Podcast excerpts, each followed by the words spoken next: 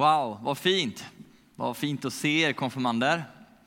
Både det här fantastiska dramat, var det inte helt underbart? Mm.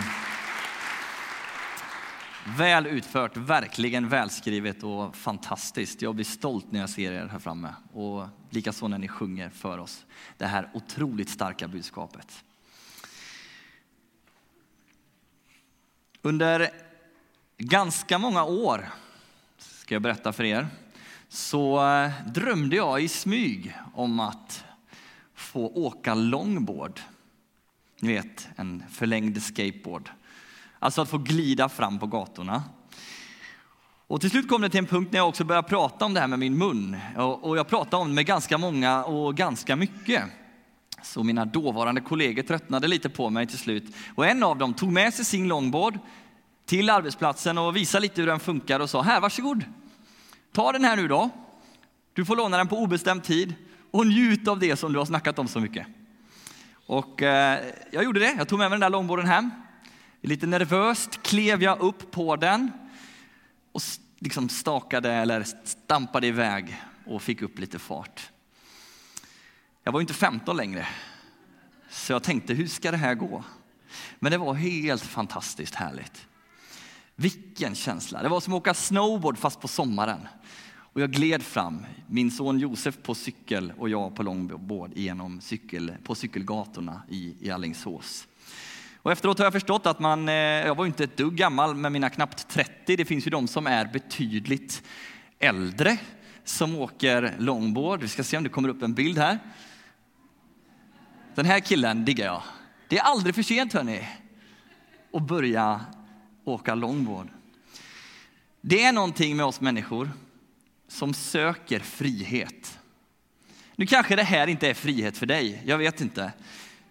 För en del kan det vara att stå högt upp på ett berg och titta ut över en fantastisk utsikt.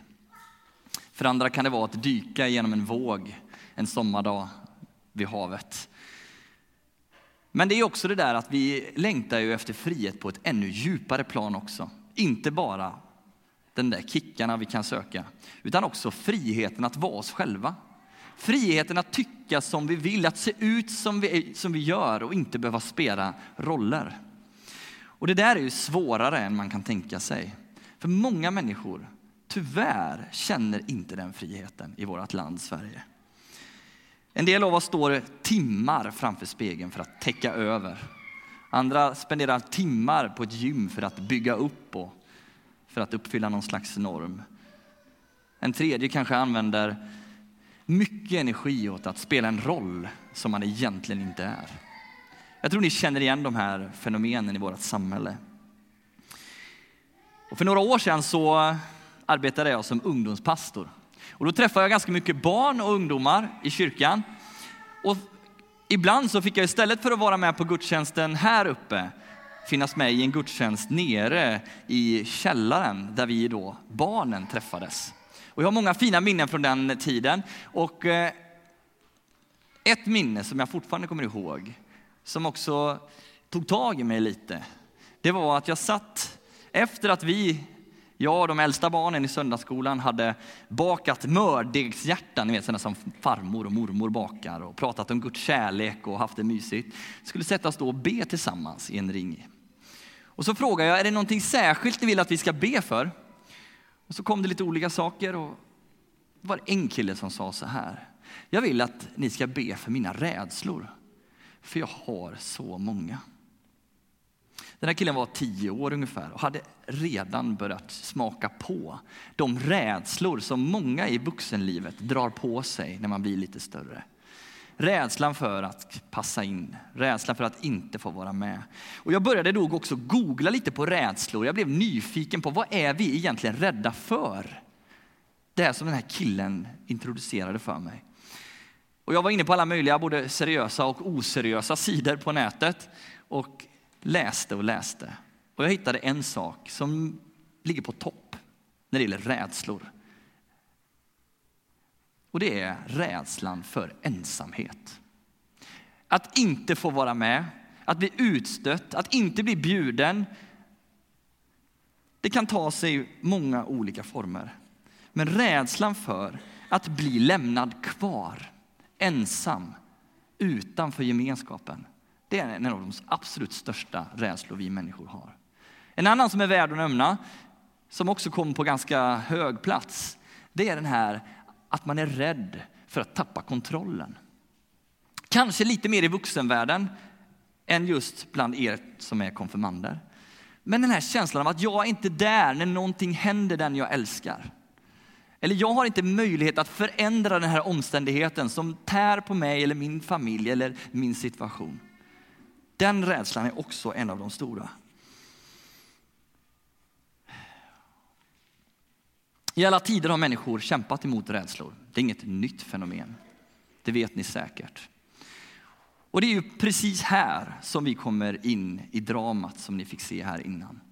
För lärjungarna som satt här, även om den här fiktiva domstolen som ni fick se här idag kanske inte riktigt representerade deras verkliga rädsla, så var det så att de var otroligt rädda precis just i den här stunden. Det står att de låste in sig bakom stängda dörrar i rädsla de där dagarna när man fortfarande väntade på vad är det som ska hända. Allting hade tagits ifrån dem. Deras bäste vän var död. Hoppet om att man skulle få se människan, mänskligheten bli räddad och befriad hade dött med honom. Och där satt man, fylld av rädsla, fylld av ångest, fullständigt hopplös. Där kommer vi in i det här dramat. Och nu ställer vi ju frågan, konfirmanderna, ni ställer ju frågan som är kanske den mest centrala frågan i den kristna kyrkan över hela världen. Vad hände med Jesu kropp? Var det så att det tog slut eller uppstod han? Här har vi ju hela skillnaden som vi läste Axelina i början. Om Jesus inte uppstod, vad ska vi då mötas i kyrkorna för? Jag läste en väldigt spännande artikel för ungefär ett år sedan, precis innan påskhögtiden.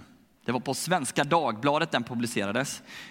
Och det var en historieprofessor som heter Dick Harrison som skrev den här artikeln på temat, eller med rubriken då återstår bara alternativ 5. Jesus uppstod. Det är sällan man läser sånt i svensk journalistik. Så jag gick in och läste den där artikeln ganska noggrant. Och då presenterar den här Harrison en väldigt spännande redovisning av de olika alternativen kring den tomma graven. Precis det som ni pratar om i det här dramat lägger han fram. Och han landar i det sista alternativet som det rimligaste. Att Jesus faktiskt uppstod. Vad var de olika alternativen då? Kanske ni har hört det här förut. Ja, men det första alternativet skulle kunna vara såklart att Jesus fejkade sin egen död. Alltså han var aldrig död riktigt, utan han lades halvdöd inne i graven och där låg han. Så småningom på natten vaknade han till. Han kravlade sig ut ur graven, kanske med hjälp av romarna då, som fick rulla bort stenen. Kom han ut och sen levde han då ett liv i tysthet, ensamhet, dold för andra för att ryktet skulle spridas att han var uppstående från de döda och lämnat vid Kristi himmelfärd upp till himlen igen. Det är ett alternativ, lite långsökt. Och dessutom så är det ju så här att om någon har blivit slagen med 39 piskrapp, fått släpa på sitt eget kors ganska lång väg upp på en kulle och sen dessutom blivit uppspikad i tio timmar hängandes på ett kors i gassande sol så skulle de flesta säga att det är rent omöjligt att överleva det överhuvudtaget. Alternativ två då, som den här professorn tar upp i sin artikel. Ja, men det handlar om att soldaterna, eller de skriftlärda, de två alltså, skulle ha rövat bort kroppen. Problemet med det alternativet är att de saknar fullständigt motiv.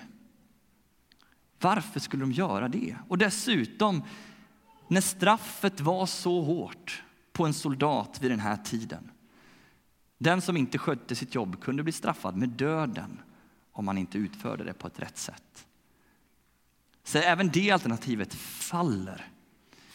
Sen finns det ett tredje och fjärde alternativ i den här artikeln också. Och det handlar om att antingen så skulle det kunna varit lärjungarna då, eller kvinnorna kring Jesus som rövade bort kroppen och spred ett rykte. Kanske det troligaste hittills då, om man ska jämföra dem. Problemet är bara att det finns fortfarande soldater vid graven. Det är det många källor som vittnar om. Och inte bara det, utan hur går det här alternativet ihop med den historiska fortsättningen? Hur lärjungarna sen klev fram i glädje och frimodighet började förkunna att Jesus lever. Och att man gjorde det med en sån kärlek och en sån entusiasm att man var beredd att dö för det. Alltså, vem är beredd att dö för en lögn? Det som Harrison till slut landar i, det är citat. Om du utesluter alla andra möjliga lösningar måste den enda som återstår, även om den förfaller osannolik, vara den sanna. Så skriver historieprofessorn i Svenska Dagbladet för ett år sedan. Han landar alltså i att det mest rimliga är det övernaturliga. Det här förutsätter ju dock ett gudomligt ingripande. Och det är ju många som räknar bort den möjligheten. Men tänk om det var just så det var. Att Gud grep in i historien, gjorde ett nedslag då han kliver in för att manifestera sin kärlek och visa för världen att han inte bara råder över livet som han har skapat, utan också över döden. Tänk om det var därför graven var tom. För att Jesus helt enkelt inte längre var död, utan levde. Och nu har jag kommit fram till, kära konfirmander, till det viktigaste budskapet som jag som predikant har att predika och som jag är kallad att predika i kyrkan under hela mitt liv. För om Jesus inte är död och begraven så lever han. Det är temat på den här gudstjänsten. Och lever han så betyder det att han finns kvar med sin gudomliga närvaro i våran värld. Genom den helige ande så kan han lyssna till våra böner. Så kan han känna med våra smärtor. Så kan han finnas vid vår sida genom alla svåra omständigheter. I rädsla, maktlöshet, utanförskap. Då är han en närvarande Gud. Och Jesus själv säger det här bättre än någon annan när han står inför sina lärjungar efter uppståndelsen, när de får se honom levande och så säger han så här. Det var faktiskt fel bibelord där, men lyssna till det som jag säger. Precis, inte det heller, utan det som jag läser nu istället. då. Det står så här. Jag är med er alla dagar till tidens slut. Jesus säger, jag är med er alla dagar till tidens slut. Märk väl, han säger inte att jag ska lösa alla era problem. Så att om ni liksom tänker det, att jag blir kristen och allt kommer bli gött. Det säger inte Jesus. Han säger inte heller att jag ska ta bort alla svåra omständigheter och problem som du kommer möta genom ditt liv. Alla sjukdomar, alla smärtor. Han säger inte det. Utan han säger, jag är med dig. Det är hans stora löfte till människan. Till dig och mig som är här inne. Och det var också det som kung David i gamla testamentet landade i, i en av våra allra mest lästa och älskade salmer som vi har i den här boken. Psalm 23 så står det så här. Inte ens i den mörkaste dal fruktar jag något ont. Ty du är med mig. Ty du är med mig. Det är budskapet till er. Om Jesus lever så är han en närvarande Gud. Rädsla är en helt naturlig del av livet. Jag vet att vi behöver en viss, ett visst mått av rädsla för att kunna bedöma risker, undvika fara och så vidare. Det är ingen konstig känsla. Den behövs. Men om rädslan får en oproportionerligt, ett oproportionerligt stort utrymme i våra liv, då kan den kväva vår frihet som Gud vill att du ska ha. För Gud har skapat dig fri han vill att du ska bli precis den som du är tänkt att vara. Du har fått egna unika gåvor och förmågor som han vill att du ska få blomma ut i. Nu pratar jag framför allt till er konfirmander. Därför när ni har livet framför er. Gud vill inte att ni ska hålla tillbaka er själva. Gud vill att ni ska få vara just den som du är tänkt att skapa som just du är tänkt att vara. Och det gäller också alla er andra. Rädslorna som vi ibland lägger på våra liv håller oss tillbaka. Och Gud vill göra oss fria ifrån dem. Avslutningsvis nu.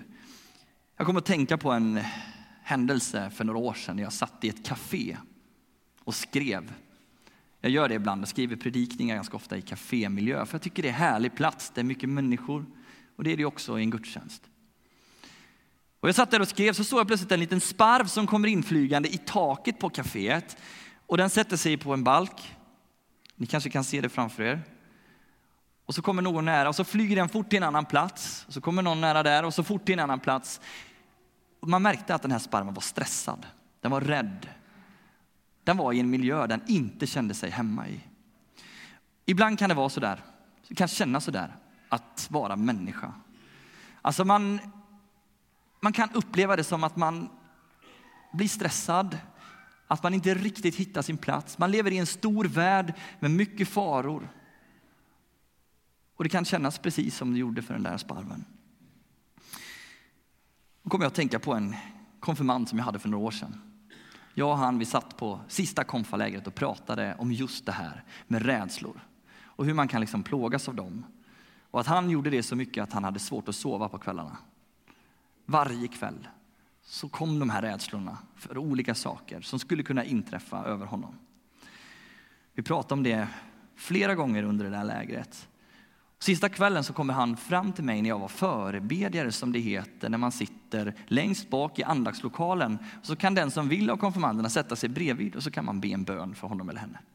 I all enkelhet. Då satte han sig bredvid mig och så säger han, be för mig. Jag vill överlämna mitt liv i Guds händer. Jag vill bli en kristen. Jag vill att det som ni har pratat om under det här året ska få bli en del av mitt liv. Och jag bad för honom. Inget märkvärdigt, inget konstigt.